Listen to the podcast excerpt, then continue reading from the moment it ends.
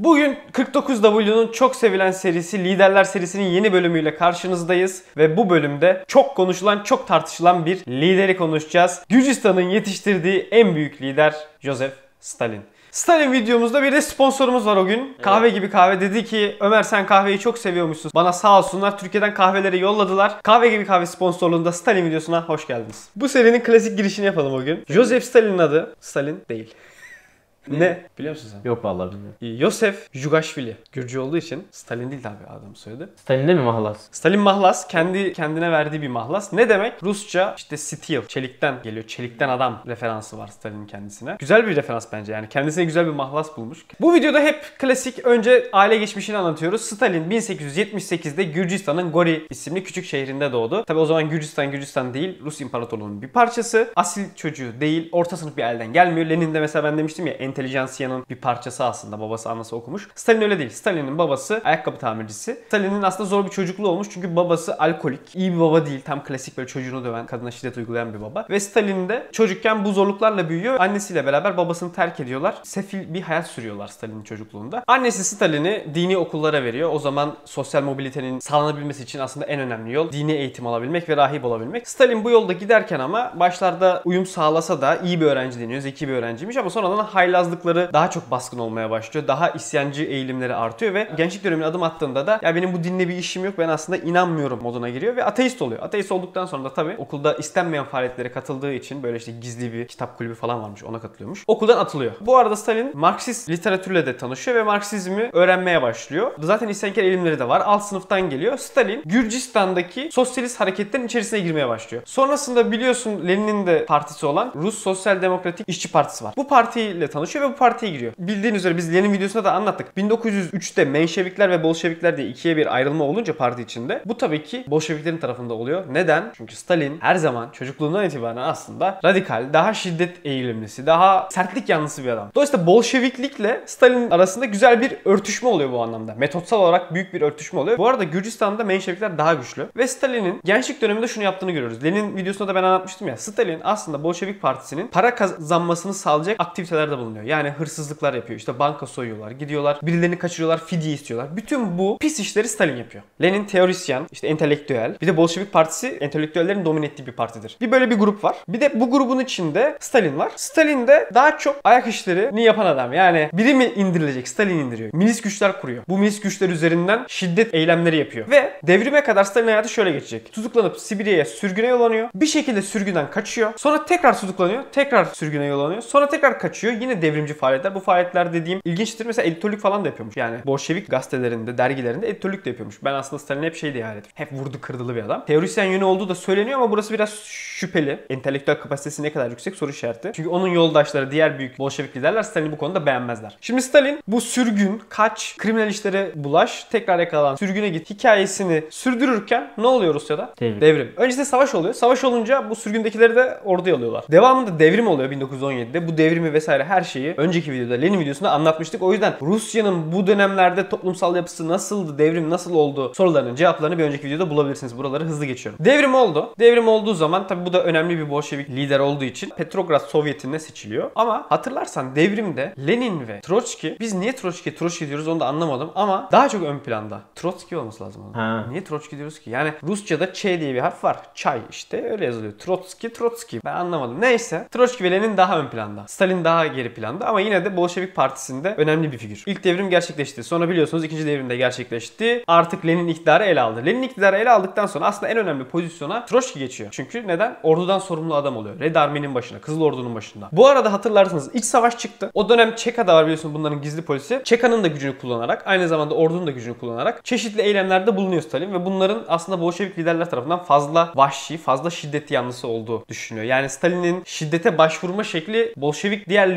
liderlerin hayal ettiğinden daha fazla, izin verdiklerinden, tahayyül ettiklerinden daha fazla. Dolayısıyla o ekip içerisinde hala en şiddete eğilimli olan, şiddete yakın olan kişi Stalin diyebiliriz. Bu iç savaş döneminde Troçki ile anlaşamadıkları konular oluyor. Belli emirlere itaat etmiyor. Yap denilen şeyi yapmıyor. Bunun üzerine sıkıntı çıkınca Troçki bunu suçluyor. Ya sen nasıl bir adamsın hani emirlere itaat etmiyorsun. Veya işte Lenin bunu eleştiriyor. Hani senin bazı hareketlerin fazla aşırı, fazla şiddetli bunları yapma gibisinden. Komünist Partisi Politbüro tarafından yönetiliyor. Tamam? Politbüro'daki herkesin de belli sorumlulukları var. Stalin'in sorumluluğu da parti genel sekreterliği oluyor 1922'de. Genel sekreterlik görevini aldı. Bu aslında ilk başta o kadar da önemli bir görev gibi gözükmüyor ama bütün parti içi atamaları kontrol ettiği için Stalin'in parti içinde güçlenmesine sebep oluyor bu. Stalin kendisine daha yakın adamları önemli pozisyonlara getiriyor ve yavaş yavaş parti içinde etkisinin arttığını görüyoruz. 1922 ile beraber Lenin hastalıkları başladı. Artık paralize oluyor, felç geçiriyor ve yönetimdeki etkisi azalıyor. Bu arada yönetim gerçekten politbüroda yani bütün kararlar politbürodaki tartışmalar sonucunda çıkıyor. Ama politbüro içinde de Troçki'yi sevmeyenler var. Şimdi Troçki Lenin sonrasındaki en güçlü aday gözüküyor. Değil mi? Neden? Çünkü hem Lenin Troçki'yi daha böyle bir önemsiyor ve hani Troçki'yi gösteriyor biraz. Hem de Troçki'nin biliyorsun Kızıl Ordu'yla başarıları var. Halkta bilinirliği var. E, orduyu da kontrol ediyor. Doğal aday Troçki. Troçki'yi de sevmeyen Kamenev, Zinoviev var. Bunlar da diğer güçlü adamlar. Stalin o kadar güçlü bir adam değil. Bu iki adam ama Troçki'nin etkisini azaltabilmek için Stalin'le bir üçlü troika kuruyorlar. Yani bu üçlü aslında domine etmeye başlıyor partiyi. Şimdi burada Lenin ölecek. Lenin ölmeye yakınken bir önceki videoda söylemiştim. Stalin'in artan etkisinden şikayetçi. Stalin'in çünkü kaba olduğunu, kullandığı metotların aslında kendilerine yakışmadığını falan düşünüyor çoğu zaman. Dolayısıyla Stalin'in gücünün azalmasını istiyor ve ölmeden önce de vasiyeti vardı hatırlıyorsun Testament diye. Orada bu Stalin'in görevden alın vasiyetini bırakıyor. Yani bu adam çok güçleniyor. Bu yetkileri iyi kullanamaz. Bu adamı indirmek lazım. Lenin'in vasiyeti Komünist Parti Kongresi'nde okunuyor. Stalin rezil oluyor. Tamam lan diyor istifa ediyorum. Stalin istifa ediyor. Parti izin vermiyor. İstifayı kabul etmiyorlar. Pozisyonunu koruyor. Şimdi Stalin Troçki'ye karşı bu Kamenev ve Zinoviev'le koalisyon yaptı. Troçki'yi pasifize ediyorlar. Troçki pasifize olduktan sonra Stalin bu sefer Politbüro'nun partinin sağ kanadıyla koalisyon yapıyor. Sol kanada karşı. Sol kanatta kim var? Kamenev ile Zinoviev var. Sağ kanatla birleşiyor. Bu sefer Kamenev ve Zinoviev'i karşısına alıyor. Bu arada Kamenev ve Zinoviev bakıyor ulan bu Stalin bizi de indirecek. Troçki ile beraber bir birleşik bir muhalefet oluşturuyorlar parti içinde. Ama Stalin oyunu mükemmel oynuyor en başından beri yani. Önce güçsüzken sol bloğa yanaşıyor. Güçlendikçe sağ bloğa yanaşıyor. Farklı koalisyonlar kurarak rakiplerini teker teker elimine ediyor. Ve 1929'a geldiğimizde artık Troçki ülkeden sürgüne gönderilmiş. Politbüro'dan zaten öncesinde atılmış oluyor. Kamenev ve Zinoviev de Politbüro'dan atılıyor. En son Stalin dönüyor. Buharinlere bu sağ kanada da karşı iş yapmaya başlıyor ve sağ kanadı da tasfiye ediyor. Ve 1930'a geldiğimizde yani Stalin bütün Politbüro'yu kendisi kontrol ediyor. Kendi adamlarını getiriyor. Kendisine yakın adamları getiriyor. Parti içi muhalefeti bitirmiş oluyor. Sadece parti içi muhalefet de değil. Stalin'e karşı gelebilecek karizmada ve yeterlilikte geçmiş olan hiç kimse kalmıyor parti. Yani 1930'da Stalin tartışmasız lider pozisyonunda. Stalin iktidarı eline aldıktan sonra ilk ne yapıyor? Yaptığı en büyük şey 5 yıllık kalkınma planları. Bu 5 yıllık kalkınma planlarıyla devlet ekonomiyi çok daha iyi bir şekilde komuta edecek. Kaynaklar neye göre ve nasıl dağıtılacağını devlet karar verecek. Ya bu kalkınma şeylerini bilirsin. Kalkınma planlarını bilirsin. Bizim Türkiye'de de oluyor. Stalin yaptığı ilk önemli şey şu. Hatırlarsan köylülere toprak verilmişti. Toprağın mülkiyeti köylülerdeydi ve kolektif mülkiyet yoktu demiştim Lenin zamanında. Stalin buna karşı toprağın mülkiyetinin kolektif olmasını istiyor. Ama bunun isteme sebebi birincisi şu. Sovyetler kurulduktan sonra sürekli tahıl üretiminde bir sorunlar oluyor. Yarı kıtlıklar, problemler oluyor ve bunu çözmek için Stalin diyor ki ya burada bizim tarım sektörümüz küçük küçük küçük çiftçilere dayanıyor. Biz bunları yok edelim. Devlet tarafından kontrol edilen tarımsal kolektifler olsun ya da insanlar tarafından kontrol edilen büyük kolektifler olsun ama bunlar devlete çalışsınlar. Bunu düşünerek kolektifleşme hareketi başlatıyor. Başlangıçta bu gönüllü bir hareketken devamında kimse gönüllü olmadığı için, kimse toprağını isteyerek vermeyeceği için zorunlu yapılmaya başlanıyor ve zorunlu yapılması demek de şu demek senden zorla ben toprağını ve malını mülkünü alıyorum. E bunun için de güçlü bir baskı mekanizmasına gerek duyuyorlar ve polisin ciddi bir dahili oluyor ve köylülerden zorla toprakları alınıyor. Bu kolektifleşme hareketi ciddi bir direnişle karşılaşıyor ama bunu şu yüzden de yapmak zorunda kalıyor Stalin. Şimdi Stalin'in ilk hedefi şu. Sovyetler batılı ülkelerin 50 yıl 100 yıl daha gerisinde diyor Stalin. Ve bizim 10 yıl içerisinde bu arayı kapatmamız lazım. Hatta öne geçmemiz lazım ki Sovyetler var olabilsin. Sovyetler hayatta kalabilsin. O yüzden Stalinist ekonomik politikanın yegane amacı vardır. O amaçta mümkün olan en hızlı şekilde, en güçlü şekilde endüstriyelleşmektir. En güçlü şekilde endüstriyel çıktığı arttırmaktır. Yani endüstriyel üretimi uçurmaktır. Bütün ekonomi buna bağlıdır. Kolektifleştirme de aslında onunla alakalı. Yani iyi bir tahıl üretimi olması lazım ki işçileri besleyebilesin. Ama bu kolektifleşme hareketi ters tepiyor. Patlıyor. Çünkü köylülerde bir direnç oldu. Köylüler hayvanlarını teslim etmek yerine öldürüyorlar. Biz malımızı vermeyiz, vereceğimizi öldürürüz diyorlar. Milyonlarca büyükbaş, küçükbaş hayvan öldürülmüş teslim etmemek için devlete. Müthiş bir baskı ve zorbalıkla kolektifleştiriliyor bu topraklar. Köylüler mülksüz kalıyor. Yani aslında kapitalizmin yükselişi, endüstriyelleşmede anlatıyoruz ya. Mülksüzleştirme önemli bir adım. Çitleme hareketleri. Neden? Çünkü köylü mülksüz kalırsa o zaman şehre göç eder. Şehirde işçi olur. Değil mi? Burada da aynı şey olmak zorunda. Ki endüstriyelleşebilsin Rusya. Dolayısıyla Rusya kendi köylüsünü topraksız bırakıyor. Ama öyle olmuyor. Tahıl üretimi düşüyor. Çünkü şimdi bu tarz reformlar işlemesi kolay olan reformlar değil. Nispi serbest olan piyasayı bozuyorsun. Yeni bir şey deniyorsun. Dirençle karşılaşıyorsun. Hesaba katamadığın bir sürü şey oluyor. Dolayısıyla da patlama ihtimali yüksek oluyor. Bir de üstüne kötü hasat eklenince meşhur 1932-33 kıtlığı oluyor. Bu meşhur Ukrayna'daki Holodomor meselesi. Şimdi kolektifleştirme yapıldıktan sonra şu yapılıyor aslında. Deniyor ki sizin devlete şu kadar miktarda tahıl teslim etmeniz gerekiyor. Kotalar belirleniyor. Herkes bu kotaya uyacak. Uymazsan ne olur? Şimdi kötü bir hasat oldu. Ukrayna özelinde bu kotalar dolmadı. Stalin diyor ki o zaman her şeyini alacaksınız bunların. Bütün ürettiklerini alalım bunları şehirlere dağıtalım. Aslında az üretmiş olsalar dahi onlardan alınmasa Ukraynalılara yetecek kadar tahıl var deniyor. Bunlar alınıyor şehirlere götürülüyor. Oradaki yaşayan köylüler aç bırakılıyor. Yani bu Holodomor olayını şöyle anlatırlar. İnsan eliyle yapılmış bir kıtlık, facia. Çünkü bunu şuradan da biliyoruz. O dönem Stalin'in kullanabileceği aslında bir tahıl stoğu varmış. Ordu için ayrılan stoklar var. ihraç edilen stoklar var. Yani Stalin çözebileceği halde çözmüyor, cezalandırıyor ve şunu iddia ediyor. Burada zengin bir takım köylüler var. Bunlar direniyorlar. Tahılları saklıyorlar. Cadı avı başlıyor. Kulak denen bir şey var. Kulaklar zengin köylüleri tanımlamak için kullanılıyor. Kulak sınıfı. Çok hektarlı arazileri olanlar, çok fazla büyükbaş küçükbaş olanlara kulak deniyor. Bu dekulakizasyon süreci çok kanlı oluyor. Hani anladın mı yani biz dekulakizasyon yapmaya çalışıyoruz. Bunlar isyan ediyorlar. Tahıllarını saklıyorlar. Ben bunlara bak ne yapacağım şimdi deyip bir ceza olarak müdahale etmediği söyleniyor. Kıtlık dedik, kuraklık dedik. Benim de dilim kurudu o gün. Abi kahve yapayım istiyorsan sana. Yap yapma. Şimdi çok uğraştırıcı bizi. Abi çok pratik hayır zaman almaz. Aa kahve gibi kahve sponsorumuz. Evet çok pratik. Doğru söyledin. Normalde kahve çok uğraştırıyordu. Ama bizim kahvemiz pratik. Neden? 5 dakikada sallayarak demleyeceğiz. Yani benim gibi üşengeçseniz vaktiniz yoksa vakti olmayan üşengeç ve kahve severler için ki o benim. O gün sen de öyle misin? Ben de üşengeçim Ver evet. o gün şeyi. Bardağımızı aldık kahvemiz. Sallama kahve.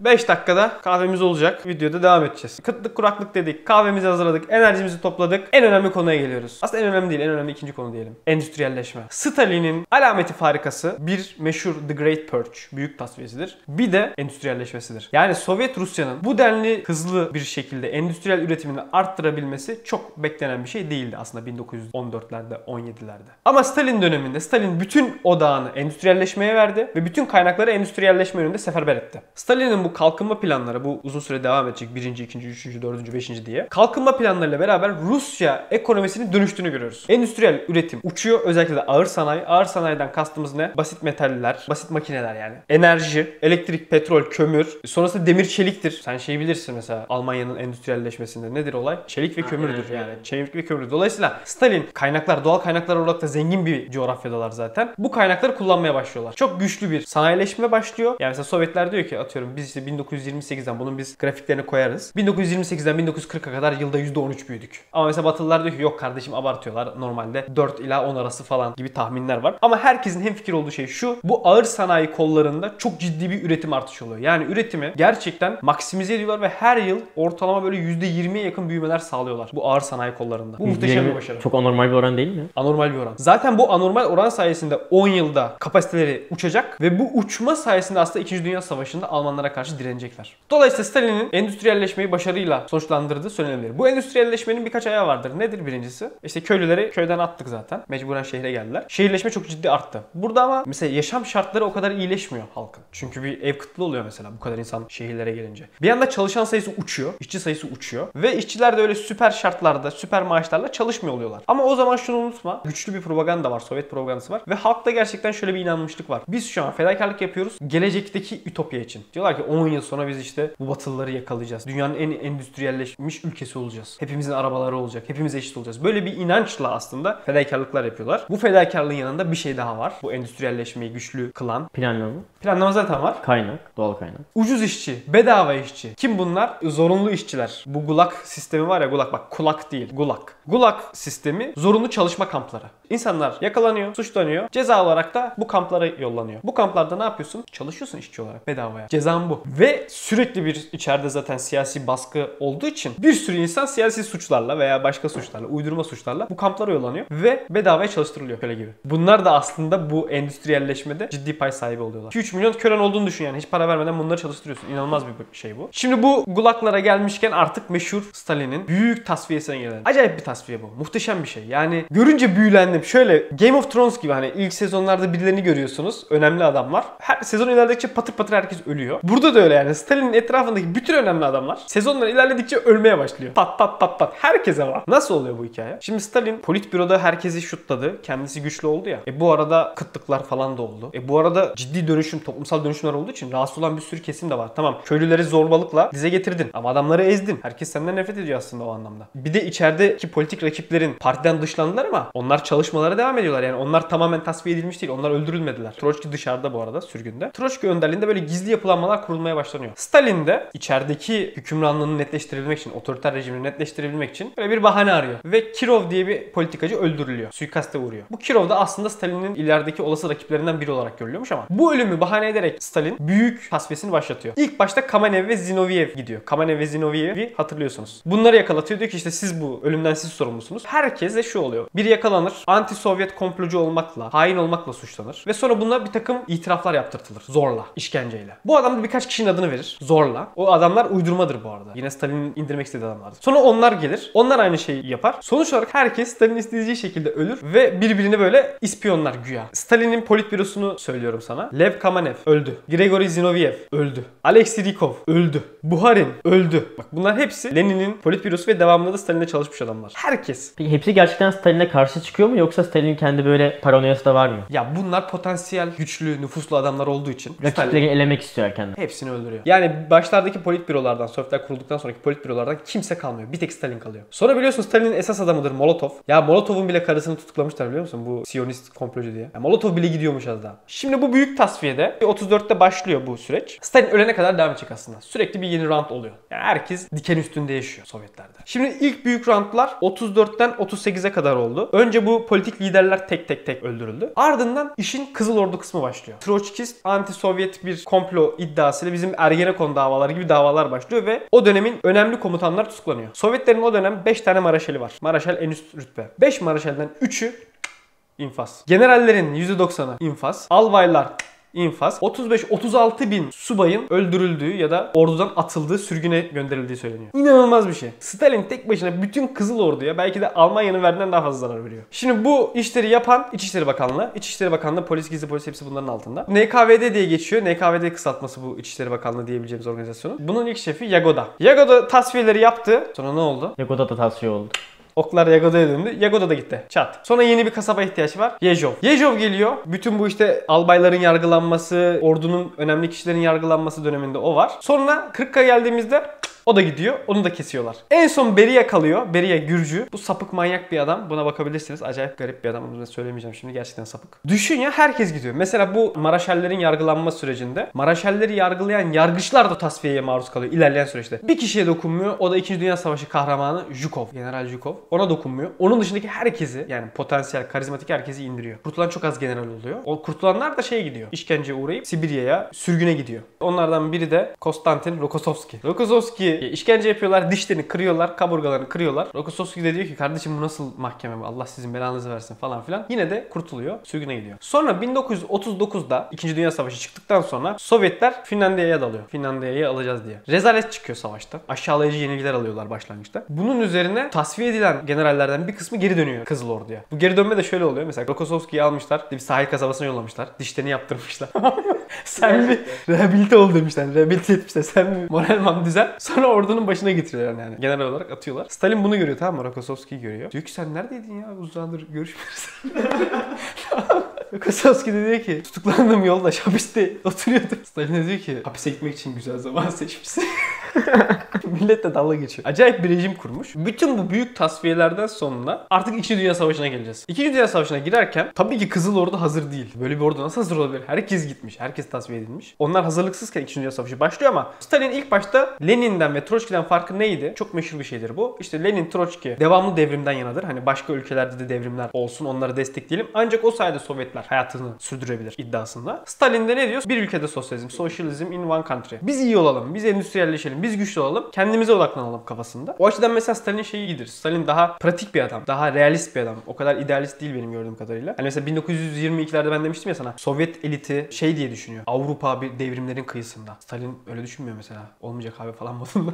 Çok da umurda değil galiba zaten. Çok da zaten öyle kendimize bakalım kafasında ama dışarıdaki komünist hareketleri destekliyorlar biliyorsun. İspanya iç savaşı olduğu zaman bunlar doğrudan müdahale olacaklar. Tank yollayacaklar, asker yollayacaklar, tesisat yollayacaklar. Sovyetler orada yenilecek. Dış politikasını Sovyetlerin aslında Hitler belirliyor. Belirliyor. Yani Hitler'e karşı bir denge arayışı var. Bir kere Stalin hiçbir zaman Hitler'e karşı savaşmayı düşünmüyor. Yani Hitler işte bir yerlere dalıyor ve alıyor ya. Orada bunun için hani doğrudan savaşa girme taraftarı değil Stalin. Bu savaşa ben girmem modunda. Orada iki taraf da böyle Sovyetleri kendi yanına çekmeye çalışırken Hitler tamam diyor siz Doğu Avrupa'yı alın. Geri kalanını da bana bırakın biz anlaşalım. Bunlar 1939'da biliyorsun saldırmazlık paktı imzalıyorlar. Bunun hemen ardından Almanya Polonya'ya dalıyor. İkinci Dünya Savaşı başlıyor. Bu arada Sovyetler de Doğu Polonya'yı alıyor. Dolayısıyla Almanya ve Sovyetler aslında Avrupa'da bölüşmüş oluyorlar. Yani doğuda da bir hat oluyor. O hattı Sovyetlere bırakıyor Hitler güya. Geri kalanını kendisi hallediyor. 1941'e geldiğimizde ise şöyle bir şey oluyor. Şimdi Hitler aşırı hızlı bir şekilde her yeri fethedince, her yeri alınca, Fransa'yı dışarıda bırakınca Hitler'e karşı tabii Stalin'de de bir korku ve hani ulan bu adam bizi de indirmesin hissi oluyor. Almanya ve Sovyetler o zaman ideolojik olarak zaten birbirine düşman. İdeolojik düşmanlığı boş ver. ideolojileri boş ver. Hiç önemseme. Ya zaten bu iki ülkenin toprak iddiaları da çarpışıyor yani. Yani bu Lebensraum var ya Hitler'in genişlemeci politikaları. Benim videomda anlattım onu bakabilirsiniz.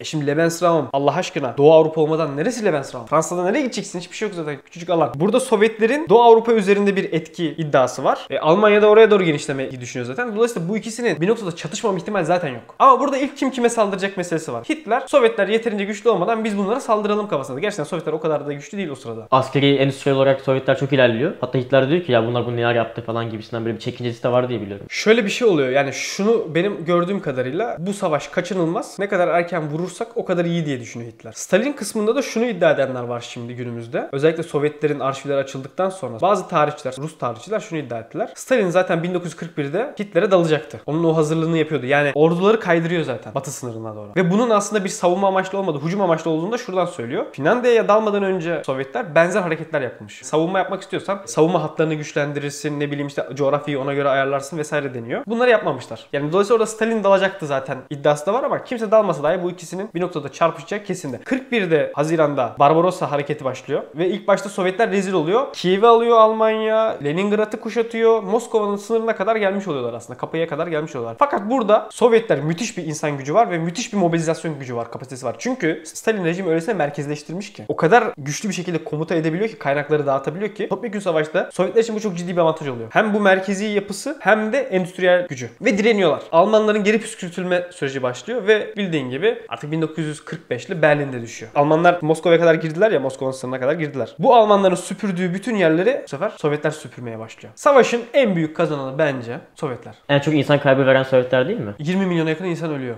deniyor. Savaş sebebiyle. Sadece ordu askerleri demiyorum, sivilleri de katıyorum. Şimdi Amerika zaten büyük güç olmuş değil mi? Dünyada artık Britanya gidiyor, yerine Amerika gelecek. Bu çok bariz belli. Sovyetler 1934'te böyle bir noktada değil. Yani 1934'te baktığın zaman Amerika'ya Sovyetler kafa tutar demiyorsun. İçeride Stalin'in tasfiyeleri, Kızıl Ordu kuşa dönmüş. Böyle bir Sovyetler var aslında. Tamam endüstriyel üretim güçlü ama yine Amerika Almanya seviyesinde değil mesela. Hala o noktada dahi. Ama savaştaki kazanımlarla beraber öylesine bir etki alanını genişletiyor ki Sovyetler. Bütün o Doğu bloğu kurulmuş oluyor. O demir perde deniyor ya. Demir perde 2. Dünya Savaşı sonrasında kuruluyor aslında. Yani Sovyetler kendisine uydu rejimler kuruyor. Doğu Avrupa'da kendisinin taraftarı komünist rejimleri iktidara getiriyor. Doğu Avrupa'da kendi etki alanını yarattı. Kendi doğusunda da Kuzey Kore'yi kuruyorlar. Orada da etki alanlarını güçlendiriyorlar. Bu arada Kore Savaşı çıkacak. Kuzey Kore'nin hani Kore'yi yutmasına izin veriyorlar. Hani git sen burayı yut. Kolay bir operasyon olacak diye düşünüyorlar ama sonrasında ABD buna karşı çıkıp bir Birleşmiş Milletler kuvveti kurunca savaş orada istenildiği gibi gitmiyor. Ama savaşa doğrudan müdahale olmuyor Sovyetler. Çin'i öne sürüyorlar. Ve Soğuk Savaş'ın aslında 2. Dünya Savaşı'ndan sonra adımların atıldığını görüyoruz. NATO kuruluyor. Varşova Paktı kuruluyor. Çünkü çok basit bir şey var. Yani ortada bir ideolojik bir çatışma da var. Kapitalizm, sosyalizm. Aynı zamanda inanılmaz güçlenen, jeopolitik açıdan inanılmaz güçlenen bir Sovyetler var. Ve bunların güçlü de bir endüstriyel kapasitesi var. Dolayısıyla Stalin 1953'te bıraktığı zaman Sovyetleri aslında bir dünya devi bırakıyor. Bak 1928'de aldığı Sovyetler yani 28'i şu yüzden dedim. O politbüro içinde artık gücünün zirve yapmaya başladığı dönemler 28'ler olarak geçiyor. Çünkü 5 yıllık ilk kalkınma planı o zaman yapılıyor mesela. Kolektifleştirme hareketleri o zaman başlıyor. 1928'deki Sovyet ekonomisi savaş öncesi durumuna daha yeni yakalamıştı. Yani 1913 Çarlık Rusyası dönemine. 1953'te bıraktığı Sovyetler ise savaştan sonra Baltık ülkelerini zaten birliğe katmış. Kendi kukla rejimlerini kurmuş. Hem doğuda etkili hem batıda etkili. Hem de çok güçlü bir endüstrisi var. Hem de çok güçlü bir ordusu var. Yani şimdi Stalin yani insan açısından bakarsanız rezerv bir hikaye dersiniz. Ya Stalin çocuklarına bakın mesela. İlk çocuğu 2 yaşındayken çocuğunu terk etmiştir. İlk karısı ölmüştür. Sonra çocuğu bir daha şeyde görür. Bu devrim mevrim olduktan sonra görür. Der ki sen asker ol. Sonra bu bu çocuğu 2. Dünya Savaşı'nda ön cepheye sürer. Çocuğu Yakov yakalanır, esir düşer. Almanlar der ki o çok güzel bir esir aldık. Biz bunun pazarlığını yaparız, bir şeyler koparırız. Stalin ne der? Bana ne?